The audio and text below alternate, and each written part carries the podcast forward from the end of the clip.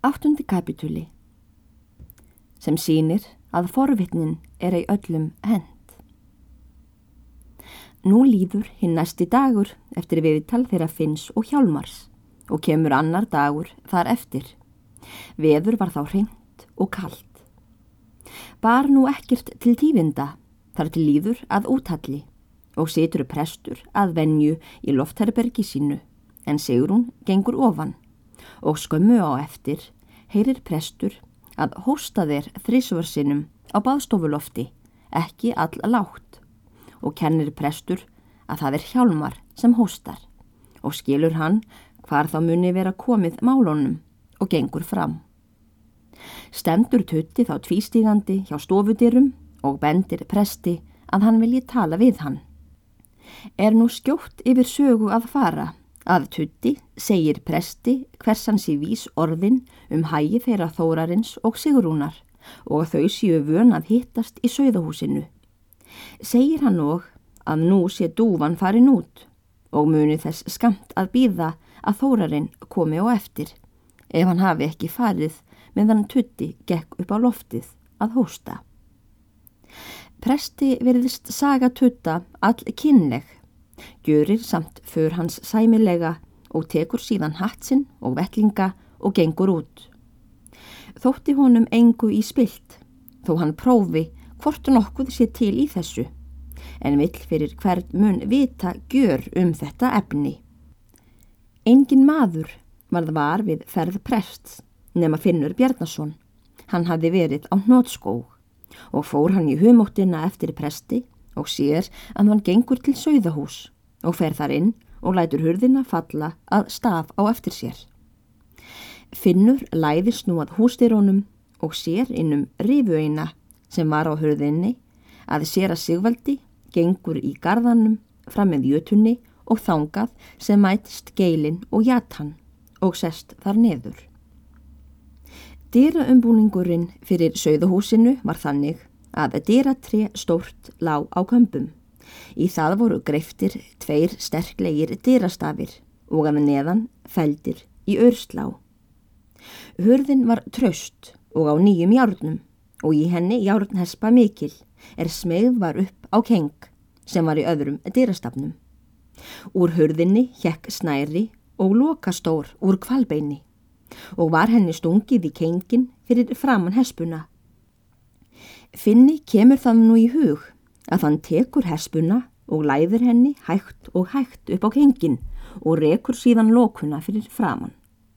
Gengur síðan til bæjar og lætur sem ekkert hafi í orðið. Líður svo fram til rökkurs og gætir þess engin hvar prestur er. Líður en rökkrið og eru ljós kveikt tekur hann húsfreyju að þykja kátlega við bræða um burtveri bónda síns og fer að skiknast eftir hvar hann muni vera. Finnst hann nú ekki og þykist enginn til vita hvert hans í farin. Leitar hún nú með ljósi um allan bæin og finnur ekki að heldur. Getur hún þess nú til að hann myndi hafa gengið sér til skemmtunar til næsta bæjar, þótt hann ekki væri vanur því er hattur var brott tekin og lætur hún nú um sinn frestað leitinni. En það er nú að segja af sér að sigvalda þar sem hann situr í geilinni að hann hyggur fyrst gott til að á þennahátt muni hann geta satt forvittin sína um háttalag þeirra þórarins og sigrúnar og býður hann nú um stund í þeirri von að þau þá og þá muni koma þar í húsið. Loks kom þó svo að honum virðist tvísinni á hvort svo muni raun á verða að hann verði nokkru að vísari í það skipti. Tekur nú mikill að rökva. Hann býður ennum hríð og til þeirrar tíðar sem hann átti vona á að smalamaður myndi koma og láta einn söiði. Vill hann nú fyrir hvert mun vera komin úr húsinu áður smalamaður kæmi. Honum dætt það þá í hug að þar hann á annað borð hefði komið inn í húsið skildi hann hafa þau nota ferðinni að skoða um leið til heia. Heið við húsið var all langt og breytt en síð mjög og flatt er borið hafði verið á það grjót mikið af utan. Ekki var búið að gefa heið mjög, því vetur var góður og stóð stappi mikill í meðri tóftinni og sín geil fóru megin. Náðu þær allt fram með veggjónum inn að gabli.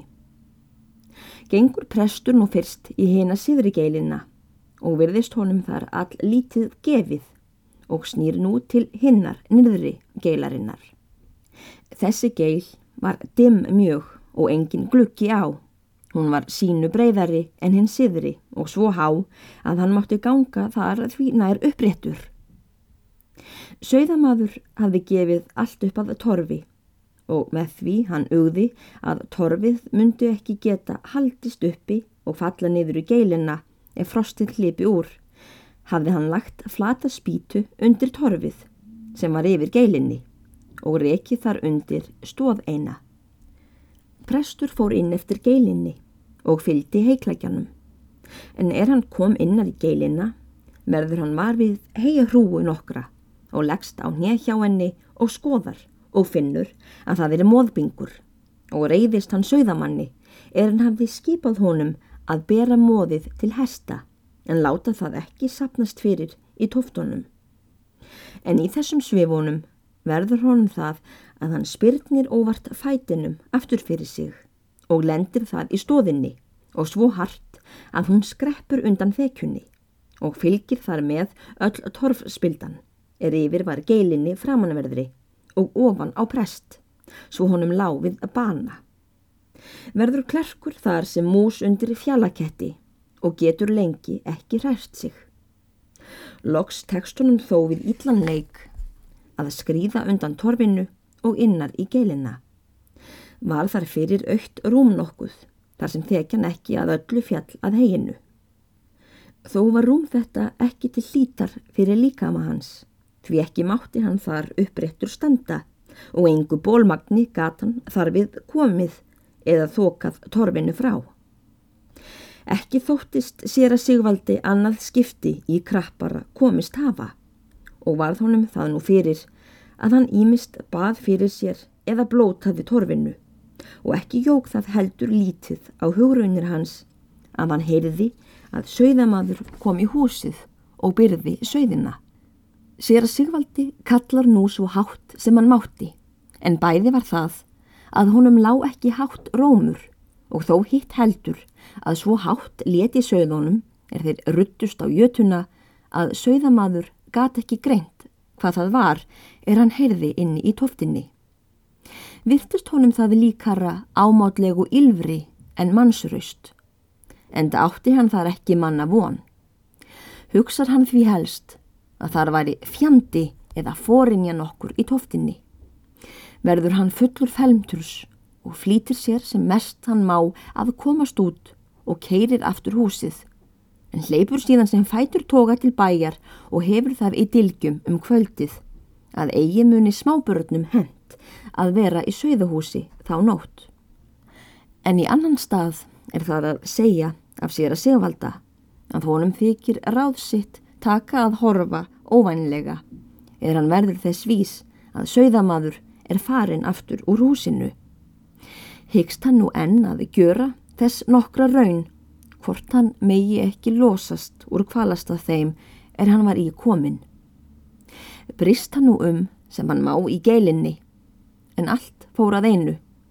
Sér hann þá ekki annað sídna en að hann muni þar lífið láta um nóttina fyrir kuldasakir og þreitu og þykir honum sá döiði yllur.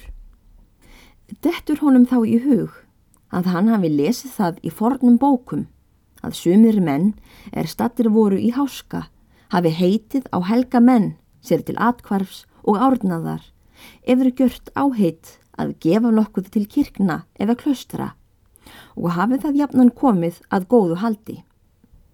Vilvist honum eigi ólíklegt að svo megi enn vera og gjörir hann nú það heit að hann skuli gefa kirkjunni á stað nýja alltarisbrún ef hann komist með lífi úr tóftinni líður svo enn stund að ekki lifkast um hag prests.